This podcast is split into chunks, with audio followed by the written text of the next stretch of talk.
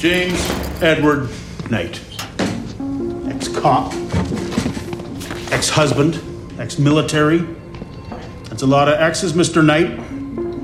Can appreciate that.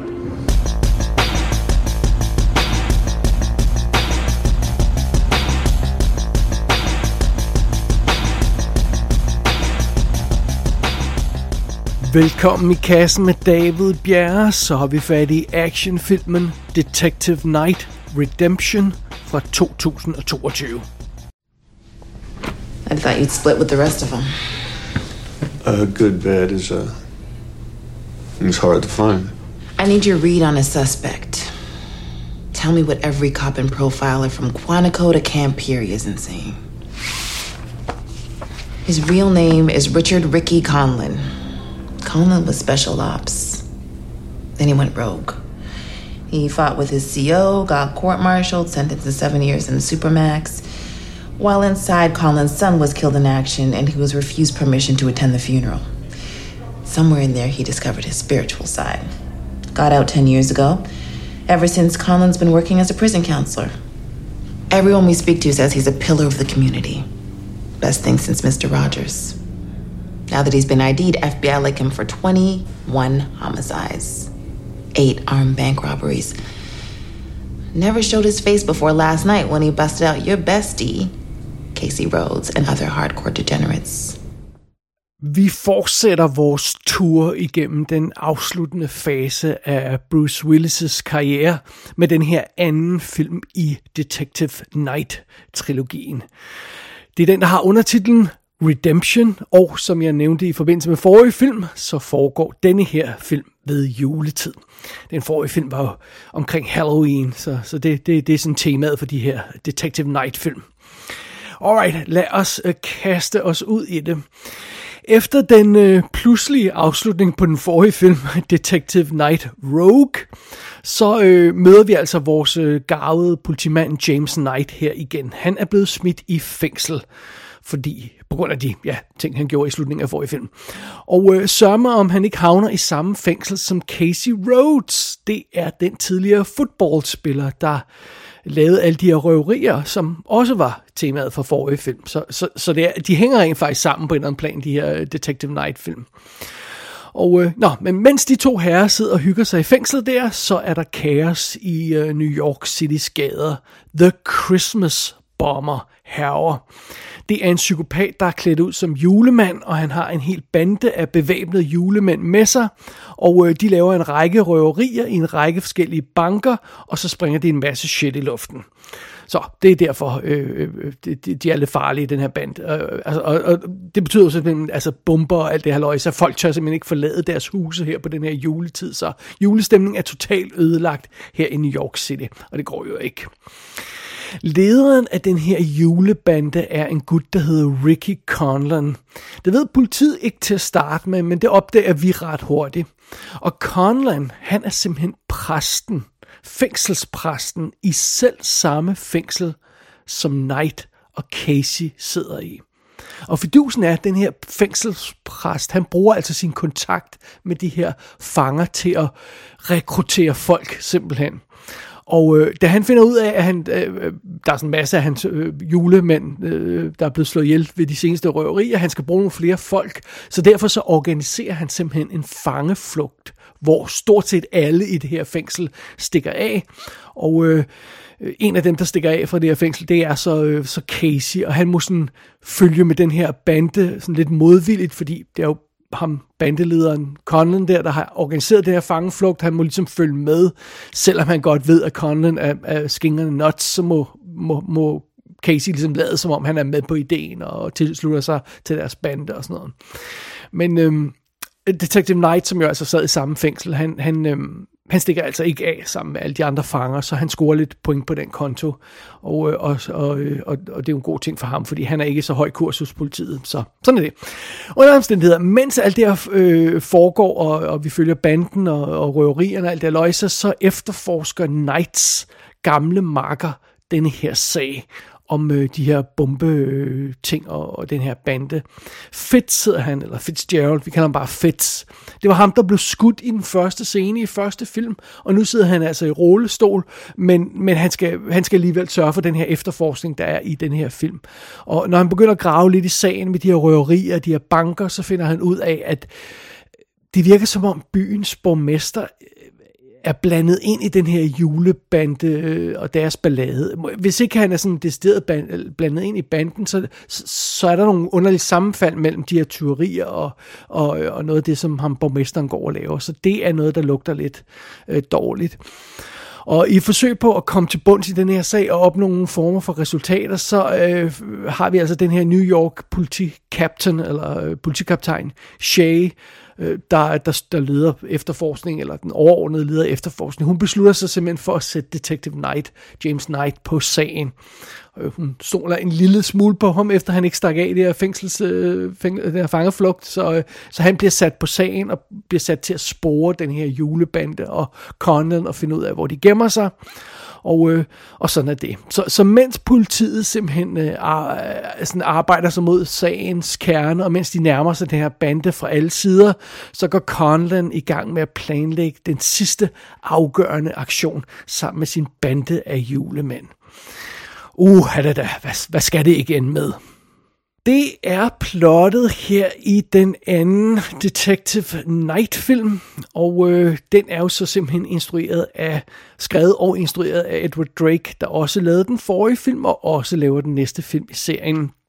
Og bare lige for at recappe, øh, Edward Drake, han står simpelthen bag øh, alt, alt i alt øh, syv af de her Bruce Willis shit-tastic direct-to-video film, og, og tre af dem er så den her øh, Detective Night-trilogi. Og, og ja, vi har selvfølgelig Bruce Willis øh, tilbage igen som øh, Detective James Knight. Ham har vi snakket om i forrige anmeldelse, så lad os ikke træde mere rundt i ham. Men lad os kigge på, hvem vi ellers har på rollelisten. Som Ricky Conlan, der er jo altså den her øh, sindssyge øh, fængselspræst og lederen af julebanden. Der har vi Paul Johansson. Ham vil de fleste kende, enten fra One Tree Hill tv-serien, eller fra Beverly Hills 90210, hvor han var med en, en årgang. Men man vil øjeblikkeligt genkende hans ansigt. Det, det jeg ret sikker på. Øh, så har vi simpelthen øh, Bo Murchoff med igen som Casey Rhodes, som snakkede vi om i forbindelse med en forrige film. Han har igen en relativt stor rolle i den her film.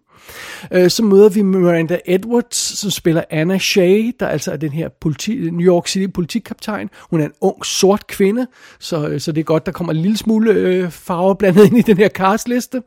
Og, øh, og, øh, der har vi øh, øh, øh, den her karakter, Anna Shay. Hun er altså rent faktisk også ganske kort med i den forrige film. Jeg tror ikke, jeg fik nævnt hende, da jeg, nævnt hende, da jeg gennemgik rollelisten, og en af grundene til det er, at rollelisten er noget råd, men det tror jeg også, vi kommer tilbage til lige om lidt. Under andre omstændigheder, øh, Miranda Edwards, hende har man måske set i sådan noget som Snowpiercer tv-serien, så det Igen så har vi altså øh, Lachlan Monroe som øh, Eric Fitz, Fitzgerald, der er øh, Bruce Willis øh, marker. Han var også ganske kort med i forrige film, men han lå altså i, i, i hospitalseng det meste af tiden, fordi han var blevet skudt ret alvorligt. Men den karakter kommer altså så tilbage i den her film og, og, øh, og, og leger politimand, øh, om end i rullestol, men, men han, han, han er simpelthen en af de bærende kræfter i filmen også. Øh, derudover så har vi for eksempel sådan en som øh, Corey Large med igen, som spiller den her øh, bankrøver Mercer, som vi mødte i første film, øh, som også er producer på, på alle de her film, det nævnte jeg også i den forbindelse. Men grund til, at jeg lige nævner, at han er med i den her film, det er, jeg er en lille smule forvirret. Jeg kunne have svoret på, at han blev skudt og dræbt i forrige film. Det er der ikke noget tegn på i den her film. Han, han er bare med igen, som om intet hent. Øhm, så er det. Så øh, derudover møder vi også Hunter Daly som Lily og Alice Comer som Clara. Det er, øh, det er ham øh, her, den her karakter Caseys øh, kone og datter. De var også med i forrige film.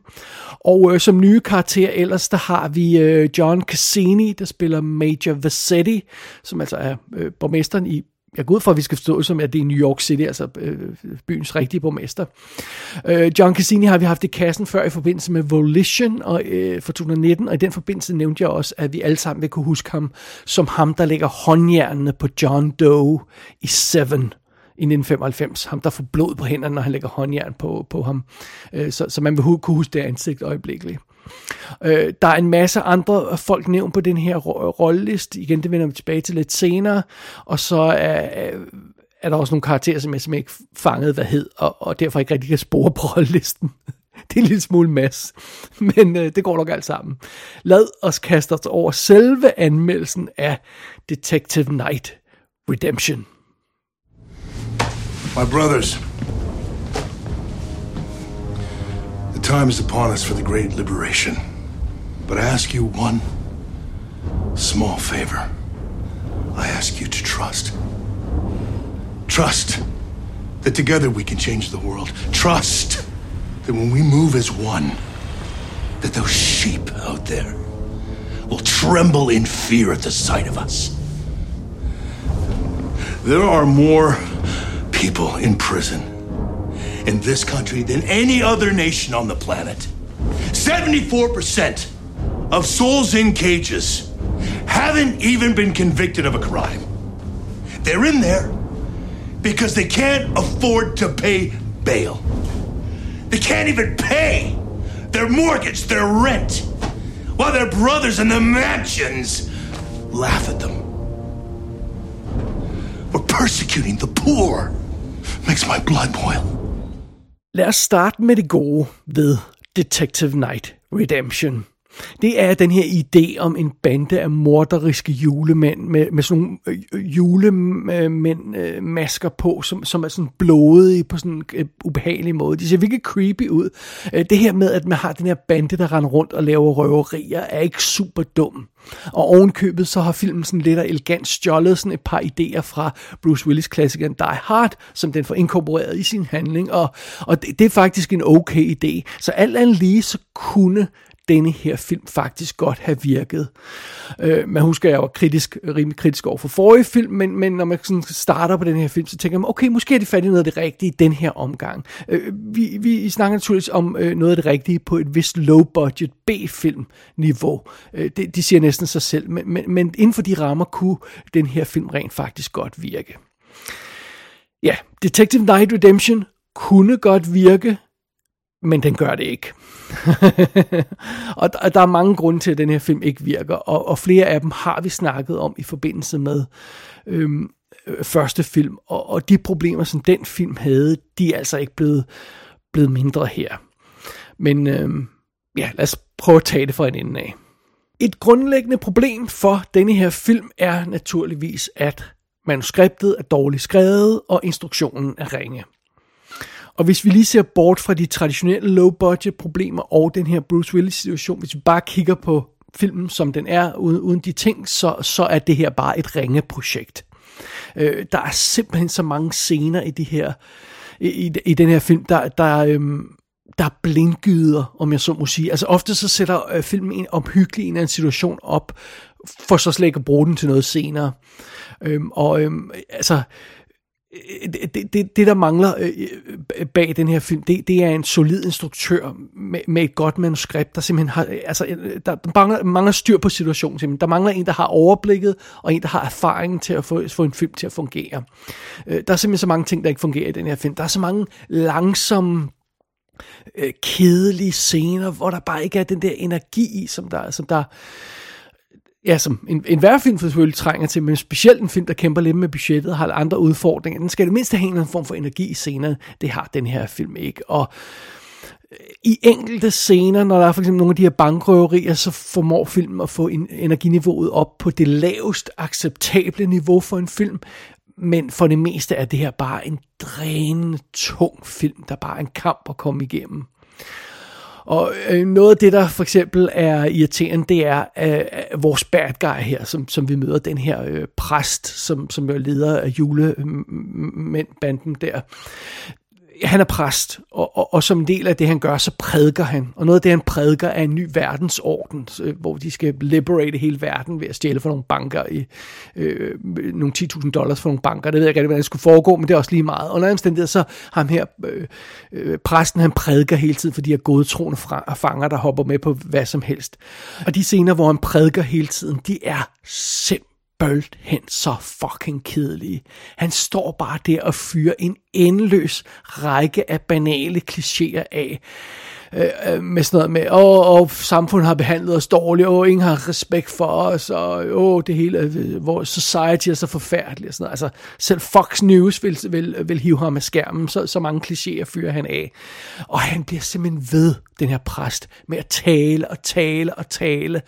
Og øh, Paul Johansson, som spiller den her præst, han prøver virkelig, altså han giver den her rolle alt, hvad han har, men det er en tabt kamp, fordi øh, han, han, han får simpelthen aldrig gjort den her præst til den her rigtig fede psykopat øh, karakter, bad guy, der virkelig er troende. Øh, det, det får han aldrig gjort, fordi han skal hele tiden spytte den her dialog ud, de her, de her prædikener, som bare bliver, altså, og den her karakter, den bliver simpelthen lynhurtigt meget, meget anstrengende at høre på. Og, og hver gang han går i gang med en af de her prædikener, og han kan nærmest ikke gøre noget uden at begynde at prædike. Han kan ikke, han kan ikke øh, øh snakke med en anden person, eller sætte sig ned ved siden af en anden person, eller ringe til en anden te- på, øh, telefon, øh, øh person på telefonen, før han begynder at, at prædike igen og igen. Og det suger simpelthen alt det ud af filmen. Det er virkelig, virkelig irriterende. Og det er altså en, en, øh, en film, der i forvejen øh, er tung i røven og nærmest dårlig er i live. Så, så går det altså ikke, at man suger mere liv ud af den med de her prædikener. Det, det gør det altså ikke. Seriøst, en tredjedel af den her film føles som om, det bare er scenen om den her bad guy, der står og taler. Uh, that's no good. Øhm, så, så, så ud over det åbenlyse Bruce Willis problemer, og før vi når til de her low budget problemer, som filmen har, øhm, så, øh, så, øh, så har vi altså allerede et, et virkelig stort problem i form af den her bad guy og hans taler. Det, det er det værste ved Detective Night Redemption. Et andet problem for den her film, og det lægger sig selvfølgelig op af, af dens øh, manuskript og til en vis grad også instruktionen. En andet problem for den her film, det er, hvad skal den her film handle om, og hvem skal den handle om?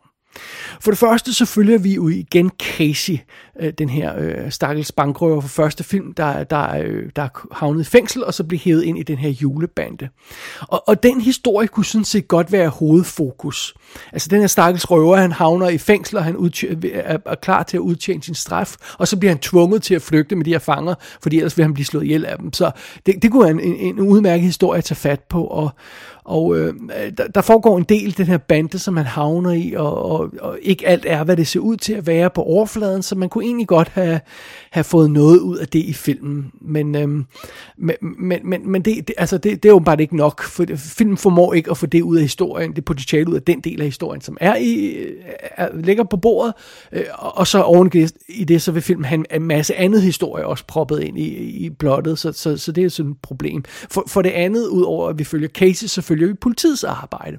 Og vi følger blandt andet Knights marker Fitz, ham som sidder i rullestol, men selvom han øh, sidder i rullestol, så driver han som sagt øh, politiets efterforskning alligevel. Og derudover så følger vi altså den her New York City øh, kaptajn øh, Shay, der, der styrer, øh, der er sådan overordnet styrer politiets arbejde. Og det er så i denne her del af filmen, at tilkarakteren James Knight, Detective Knight, det er her, han skal passe ind. Så i en underafdeling af den ene halvdel af filmens plot, der finder vi Detective Knight. Og øh, øh, rent øh, praktisk, så er det Bruce Willis øh, problemet naturligvis, der spænder ben for den del af filmen. Men hvis vi lige øh, øh, ignorerer det et øjeblik, og så bare igen fokuserer bare på filmens plot, og hvad der reelt er op på lærredet, så må sige, øh, så er fidusen, der er simpelthen ikke brug for Detective Knight-karakteren i den her Detective Knight-film. Så der er ikke noget for ham at lave. Øh, det er markeren Fitz, øh, der, der, øh, der er repræsentationen for, for, for efterforskningen i den her film, og lovens lange arm og sådan noget. Og så har vi også øh, røveren Casey, han er så vores inside man i banden, og vi har præsten, der er vores bad guy, og vi har øh, øh den her New York City kaptajn, øh, den kvindelige kaptajn, der, der ligesom pisker vores betjent videre i hans jagt, og det er vel at mærke betjenten Fitz. Og, øh, og det betyder så, at der, der er ikke noget for Detective Knight at lave i den her film. Øh, så når han bliver øh, taget ud af fængslet og sat på sagen med at finde den her julebande, øh, så forsvinder han ud af historien. Øh, altså han, han er ude og lede efter spor for ved at vide. Han er ikke med i filmen. Og igen, ja, der er selvfølgelig en grund til, at vi havner i den situation, men hvis man nu ikke kender til Bruce Willis, og hvis man ikke kender til hans problemer, og bare ser den her film øh, øh on face value, om så må sige, så må man da undre sig. Altså, hvorfor hedder den her film noget med Detective Night? Hvorfor er den øh, øh, navngivet efter den her tredje rangs karakter, der ikke laver noget og nærmest ikke er med i plottet? Altså det, det må man da undre sig over. og man kan selvfølgelig ikke lade være med at spekulere på, om det var mening oprindeligt, når man skrev det oprindelige manuskript, at alt det, som Fitz render rundt og laver i den her film, i virkeligheden oprindeligt var Knights job. Og, øh, og, og man simpelthen måtte ændre planerne på grund af Bruce Willis. At det, det vil give en lille smule mere mening for plottet, og hvordan filmens fokus er i forbindelse med plottet. Øh, men, men det kan godt være, at det var meningen oprindeligt, men så har man lavet det om, og det er altså ikke den film, vi ser nu. Vi ser ikke den film, hvor Detective Knight har en vigtig rolle at spille i øh, Detective Knight-filmen. og, og det, det er selvfølgelig en besøgende situation at være i. Oven i alle de her problemer med historien, øh, så er Detective Knight Redemption naturligvis også plaget af sit lave budget. Og, øh, og så den plade af den slags tjusk, som jeg lidt føler kan følge med i en low budget øh, produktion. Øh, simpelthen bare fordi der ikke er penge til noget som helst. Tag for eksempel sådan noget som, at der er naturligvis ingen, der har lavet research på den her film, og der er ingen, der har så meget som googlet noget som helst. Øh, og det betyder øh, at man, man havner i situationer, hvor for eksempel på et tidspunkt, så snakker han, øh, hende der øh, politikaptajnen om, at hun har hævet fat i CIA øh, for at hjælpe øh, med den her efterforskning. Altså, CIA efterforsker ikke bankrøverier på amerikansk jord at, at det skal der ikke meget mere end et hurtigt øh, Wikipedia-opslag til at finde ud af. Men det har man ikke givet at gøre. Det er bare sådan, om CIA er involveret. Okay. Øh, en del af plottet i den her film øh, drejer sig om at røve for de rige. Det er noget af det, som den her øh, julebande gør. Og folkene bag den her film tror bare, at million, millionærer eller milliardærer, eller hvad, hvad de nu er, alle de rige folk i byen, øh, filmen tror, at, at de har alle deres værdier i fysisk form i en bankboks. Sådan så at man kan stjæle fra de rige ved at bryde ind i en bankboks og stjæle fysisk deres værdier. Øh, og naturligvis så er der øh, folk, der har værdier i deres bankboks, og naturligvis så er der også rige folk, der har nogle øh, værdier i, i en bankboks, sådan skal det ikke være, men altså, ligesom om den her film tror, at alle de riges rigdomme er i de her bankbokse. Og, og det passer, altså, det, altså der, er ingen, der er åbenbart ingen her på film, der hører om, om sådan noget som aktier eller, eller, eller, eller elektro, elektroniske øh, værdier, eller sådan, altså, det, det, det, det er ejendom eller sådan noget, men det tror bare, alle værdierne er i en bankboks. Øh, og, og, altså, ligesom, jeg føler bare sådan et, et simpelt opkald til en eller anden finansiel rådgiver kunne, kunne have for, forklaret de her folk bag filmen, hvordan sådan øh, øh en rig persons finanser hænger sammen nu om dage. Øh, og det kunne virkelig have hjulpet filmen, fordi den virker nærmest sådan halvdum eller halvnaiv øh, i, i sit portræt af, hvordan øh, rige folk har deres penge. Det, det, det holder altså ikke. Og igen, det er sådan noget, der bare føles som tjusk, hvor man bare tænker, ah, en minimal mængde af research burde have kastet lys over den situation, skulle jeg mene, men, men det har man altså ikke kunne lave. Og så er der også noget som for eksempel, når der er en scene, hvor, hvor den her øh, kaptajn, hun holder tale for sine øh, politifolk. Og det, noget af det, hun siger til dem, det er, okay, vi er virkelig blevet hurt bad af de her bomberi, øh, bombarderinger øh, rundt omkring, og, og nu skal vi samarbejde med FBI for at løse den her situation. Og så fordi sådan, at man vil gerne vise, at FBI er til stede i den her politistation, så der er en masse folk med FBI-jakker på.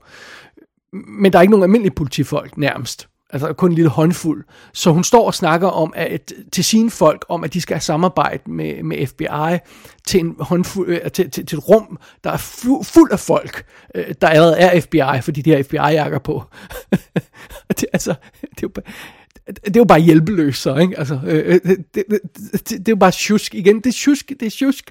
Og, og, og den slags tjusk er der en hav af i, i den her film. Og, og apropos, som jeg nævnte tidligere, credits er tjusket. Altså, øh, de, rækkefølgen er mærkelig. Jeg ved ikke, om der sendte den her creditliste ind til IMDb. Det kunne være, jeg skulle tage mig sammen og rette den for dem, men, men, men creditlisten på IMDb er mangelfuld og i forkert rækkefølge, og der er et hav af folk krediteret i rulleteksterne på den her film, der jeg sværger ikke er med i filmen.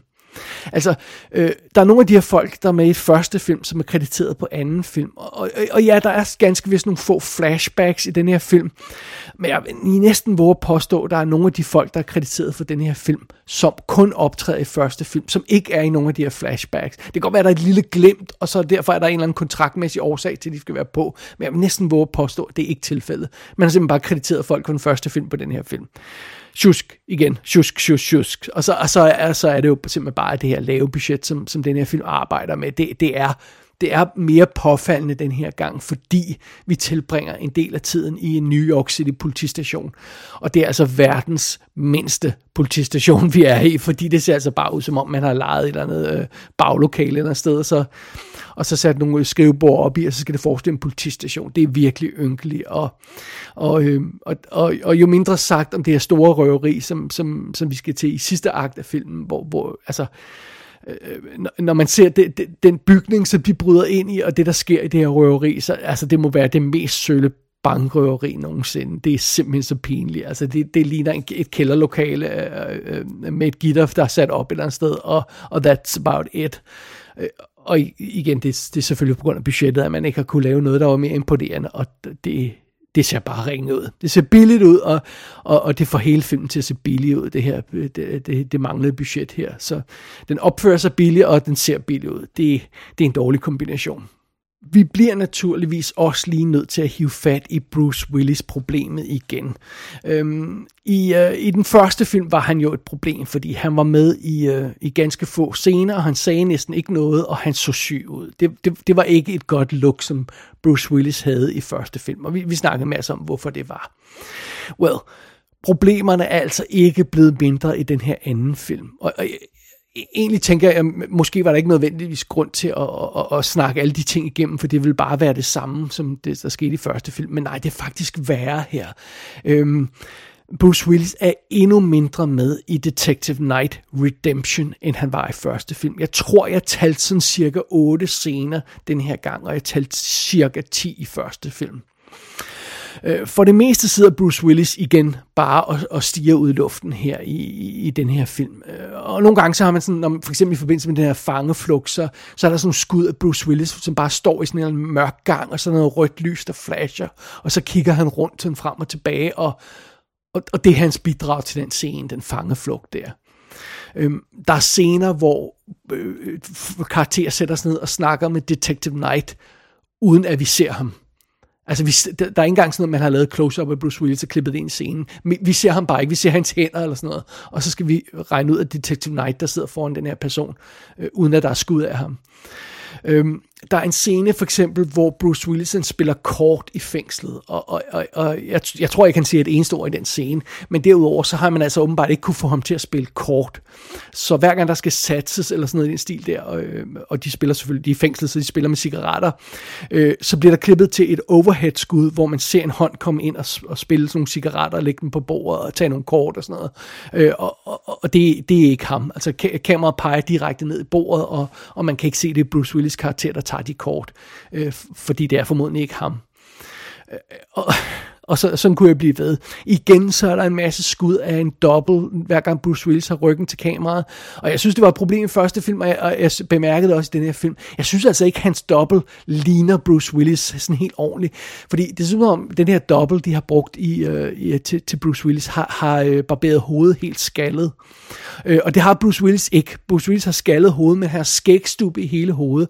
Og så vidt jeg kan se, men igen, øh, så nogle gange sådan lidt ude af fokus og sådan noget, men det ser ikke ud som om, den her dobbelt har, har skægstube, øh, sådan som Bruce Willis har, så, så, så det matcher ikke rigtigt. Øh, og, og ja, og det er selvfølgelig heller ikke fedt. Og, og som det også var tilfældet i første film, så det meste af Bruce Willis' øh, dialog foregår igen i de her korte sætninger eller enkelte ord, for det er åbenbart det eneste, han kan sige nu om dage. Og nogle af de scener er simpelthen utrolige i den her film. Og, øh, jeg, jeg vil lige spille lidt lydklip fra en af de her scener, og prøv at lægge mærke til, at det, det ikke lyder som om øh, Bruce Willis' replikker sådan rigtig hænger sammen med det, som den anden karakter siger i scenen. You want to hear something else crazy? Rhodes is cutting a deal with the captain, and the DA's gonna go for it. Desperate times. Christ, if I get my fucking hands on Rhodes, I'm gonna put my gun up his ass, pull the trigger, Jesus Christ. You can't stop thinking about him, can you? Just forget about this and come back to LA. They have zero physical evidence to lock you up. Your daughter misses you. Christ, I miss you. Do you know how much shit Macy is giving me for even being here? I'll be lucky if I'm not divorced before New Year's. I am who I am. På et tidspunkt får folkene bag den her film rent faktisk stykket en scene sammen, der sådan med Bruce Willis, der sådan med nød og næppe kan kaldes en scene, hvor det virker som om han har noget øh, dialog med en anden karakter. Men man kan sådan mærke, at det er en kamp at få den her scene til at virke. Og, og, og, og, og, og det skal det jo ikke være. Det skal jo ikke være åbenlyst, at filmen kæmper for at konstruere en scene, der bare ligner en almindelig scene. Altså det kan, jo ikke, det kan jo ikke nytte noget. Men det er altså den situation, som de har havnet i med Bruce Willis her.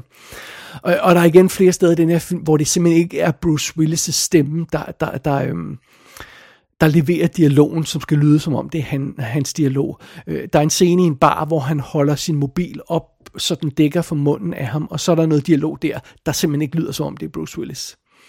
Øh, og, og, og, og, det, altså, og selvfølgelig, hvorfor skulle man ellers dække hele Bruce Willis' hoved med en mobiltelefon, hvis ikke det var for at indsætte dialog, som han ikke sagde. Det er også noget igen, hvor det virker åbenlyst, at filmen kæmper. Og jeg, jeg har taget et specifikt eksempel fra en af de her scener, og, og lige spille et lydklip fra den, som er lidt tydeligere. Øhm, lad os prøve at høre et lydklip fra en af de scener, hvor det ikke altid er Bruce Willis, der siger dialogen. I know where he's gonna hit. Wooddrake Antiques. It's a front for the 1%. He wasn't robbing banks. He was creating fear. He made everyone put their valuables in one place. There's no reason to rob a hundred banks when he can just, you know, rob one. Alright, det er et 22 sekunder langt dialogklip det her, fra en lidt længere scene i filmen. Men bare de her 22 sekunder, bare inden for de 22 sekunder, der er der syv små klip. Og hvis vi ovenkøbet bare fokuserer på de otte første sekunder af denne her dialogscene, så er der fire klip. Og øh, bare lige for at gennemgå den hurtigt, for jeg tænkte, det kunne være meget sjovt at prøve at se, hvordan de egentlig skruer sådan en scene sammen med, med Bruce Willis, for at få det til at hænge sammen i den her film. Så jeg har bare kigget på de otte første sekunder med fire klip i den her dialogudveksling. Øh, det første skud, vi ser, det er et skud af Fitz, øh, øh, Bruce Willis karakterens øh, kollega der, der tager telefonen, og så hører vi en off-screen sætning fra Bruce Willis. Og det er så et to sekunders klip. Så klipper vi hen og ser, hvor Bruce Willis han sidder. Og han sidder igen i det, øh, øh som jeg nævnte, han sidder i sådan en bar, og han, øh, mobiltelefonen dækker for munden. Og øh, i det her skud, der siger Bruce Willis to ord, der ikke lyder som om de kommer fra ham. Øh, og så klipper de, de midt i den sætning, han siger, og så klipper de til et front... Øh, altså, vi starter med et, tid, øh, et, et, et, øh, et sideskud fra Bruce Willis, og så klipper de til et frontalskud, hvor Bruce Willis siger resten af sætningen, og man kan se, det er ham, der siger resten af sætningen. Og efter det, og det er så fire klip i den her sekvens, så klipper vi tilbage til Fitz, der sidder og lytter til Bruce Willis, og så kommer der noget mere Bruce Willis dialog off-screen, altså gennem øh, telefonen, som de sidder og snakker i. Og første del af den Bruce, øh, Bruce Willis dialog lyder ikke som om det er ham, der siger det, og anden del af, af, af den her dialog lyder som om det er Bruce Willis, der siger det. Øh, og, og det er altså sådan, man får, får konstrueret sådan bare en 8 sekunder lang scene. Det er med fire klip, og i hvert fald mindst, øh, mindst to, måske tre øh, dobbede replikker ind, der ikke er sagt af ham. Altså det kan, godt, det kan godt være, at jeg tager fejl, øh, fordi jeg ved ikke, hvordan den her film er lavet, men det lyder på mig, som om det er sådan, det er. Lad mig lige prøve at spille de 8 sekunder, jeg snakkede om her, en gang til. Lad os lige høre den stump en gang til. Med, med de, og, og så skal man altså forestille sig, at der er fire klip i den her sekvens. Prøv at lytte med her. I know where he's gonna hit. Wooddrake Antiques. It's a front for the 1%. He wasn't robbing banks. He was creating fear. Altså, det, det, det, det er der ikke mig, der skør, vel? Det er ikke Bruce Willis, der siger de replikker, halvdelen af de replikker, er det vel? En sjov detalje er i øvrigt, at Bruce Willis sidder i den her bar, og det er fuldstændig umotiveret, at han sidder i den her bar. Hvorfor i alverden sidder han i den her bar og, og snakker midt i, at han er ved at efterforske den her bande. Hvorfor sidder han og tager en stille øl her? Og så synes jeg, at det virker bekendt egentlig. Og så gik jeg tilbage til første film, og så gik det op for mig. Det samme bar, som han sidder i i første film.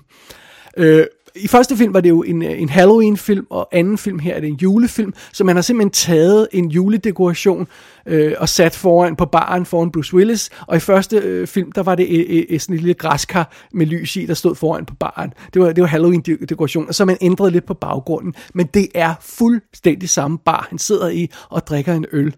Og, øh, og, og det, det, det er simpelthen bare... Så, øh, har man så bare været der... Øh, øh, øh nogle gange så ser det også, jeg, det er svært at se, for lyset er lidt anderledes, så jeg kan ikke se, om det er rent faktisk er samme øh, trøje, som Bruce Willis har på, men det, det, det, det ligner meget samme trøje. Jeg tror, det, det kan godt være, at man har skiftet den ud. Men under andre omstændigheder har man simpelthen bare optaget sådan nogle dækscener i den her bar, og så kunne man lægge dialog ind over der, hvor Bruce Willis han holder øh, mobiltelefonen op for munden. I don't know. Det er fascinerende. Og, og, og jeg synes sådan lidt, den her Detective Night Redemption, altså normalt var det jo sådan en film, man ville slukke for øjeblikkeligt, men jeg synes nærmest, den blev, det blev sådan lidt et game, den her film, fordi man skal sådan spotte i hver scene, som Bruce Willis dukker op i, hvordan de har forsøgt at skrue scenen sammen med minimalt bidrag for Bruce Willis. Og, og så kan man prøve at sidde på at gætte, hvor han ikke er med, selvom de lader som om han er med. Og øh, det, det ender faktisk med at blive et sjovt lille spil. Eller øh, måske et lidt deprimerende lille spil, men det ender faktisk med at blive spil undervejs i den her film. Undervejs her i uh, Detective Night Redemption, så kom jeg i tanker om et rygte, som jeg hørte i tidens morgen, angående tv-serien Mr. Ed, som er fra 60'erne. Og det er den her serie, hvor der er en, en hest, der taler. Og det er jo selvfølgelig lavet 60'erne, så det er lavet før man kunne lave computereffekter, der fik øh, munden på den her hest til at bevæge sig. Øh, og, der, og det blev simpelthen sagt, at hver gang den her hest skulle se ud, som om den talte i de her scener i den her tv-serie, så smurte man peanut butter øh, på, på dens øh, gummer, eller hvad det var, ind i dens mund, og så, øh, fordi den ville prøve at slikke det væk og bevægede munden for at få det væk, så så det ud som om den talte. Øh, jeg har så tjekket op på det rygte, det passer åbenbart ikke. Det var ikke sådan, man fik den her hest til at tale.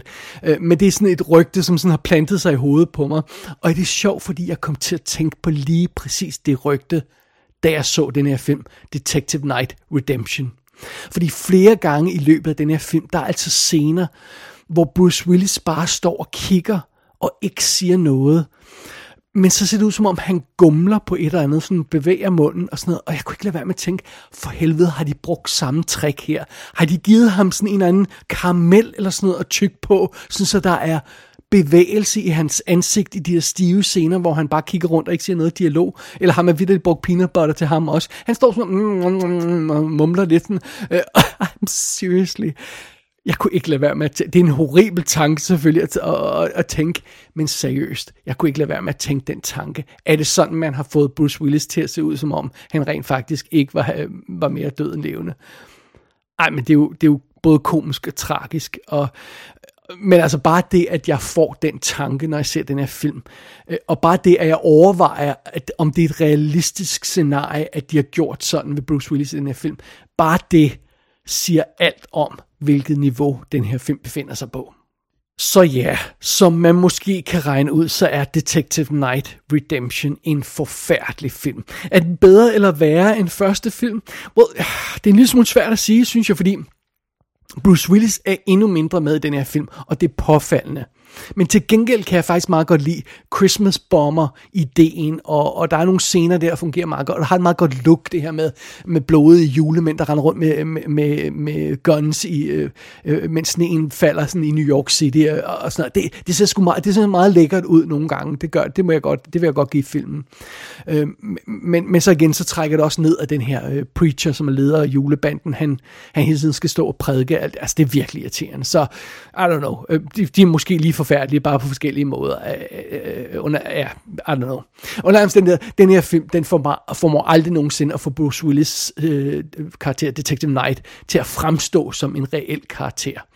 Øh, der er ingen fornemmelse af, at han rent faktisk deltager i filmens handling, og og filmen vil også gerne forsøge at få sådan en, en eller anden slags cop versus bad guy dynamik kørende.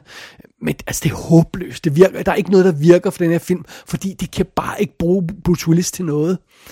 Øh, de kan ikke bruge ham til noget, og så derfor har han selvfølgelig ikke noget at lave i filmen. og, og, og, og, og, og altså... Det, det, er jo så, altså, det er jo så, han kan åbenbart ikke, ikke, ikke gøre særlig meget mere, Bruce Willis, og det, altså, så, så øh, må, må man altså ændre karaktererne på en eller anden altså det er mit gæt i hvert fald, man måtte ændre karakteren, sådan, så det var en andre, der løftede læsset for Bruce Willis. Og, og så, ja, som, som jeg også nævnte tidligere, selvfølgelig følge så, så, er der ikke, så er der ikke noget for karakteren at lave i filmen. Og det er åndssvagt at sidde og se en film, der hedder Detective Night eller Haloisa, og så er Detective Night ikke med i den. Øh, og, og, og, det, og det gør naturligvis, at Detective Night Redemption er ikke bare en fiasko, det, det er igen en virkelig deprimerende fiasko. Og, og, og, og, og ligesom I, vi også sagde med første film, så altså, det er virkelig et sørgeligt syn, altså den her film igennem. Det er virkelig, virkelig sørgeligt. Jeg indrømmer blankt, at jeg frygter virkelig for tredje og sidste film i den her trilogi. Men uh, nu er vi jo uh, to tredjedel igennem, så kan vi så godt tage den sidste også. Der er ikke så meget, uh, meget at gøre. Uh, den sidste film i den her trilogi udspiller sig i øvrigt åbenbart under USA's mest betydningsfulde mærkedag. Hmm, hvad kan det være? Måske er der et hint i filmens titel. Den hedder Detective Night Independence.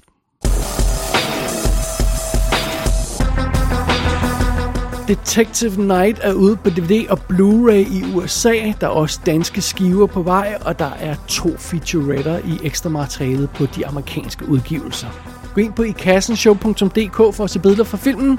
Der kan du også abonnere på dette show og sende en besked til undertegnet. Du har lyttet til I Kassen med David Bjerg.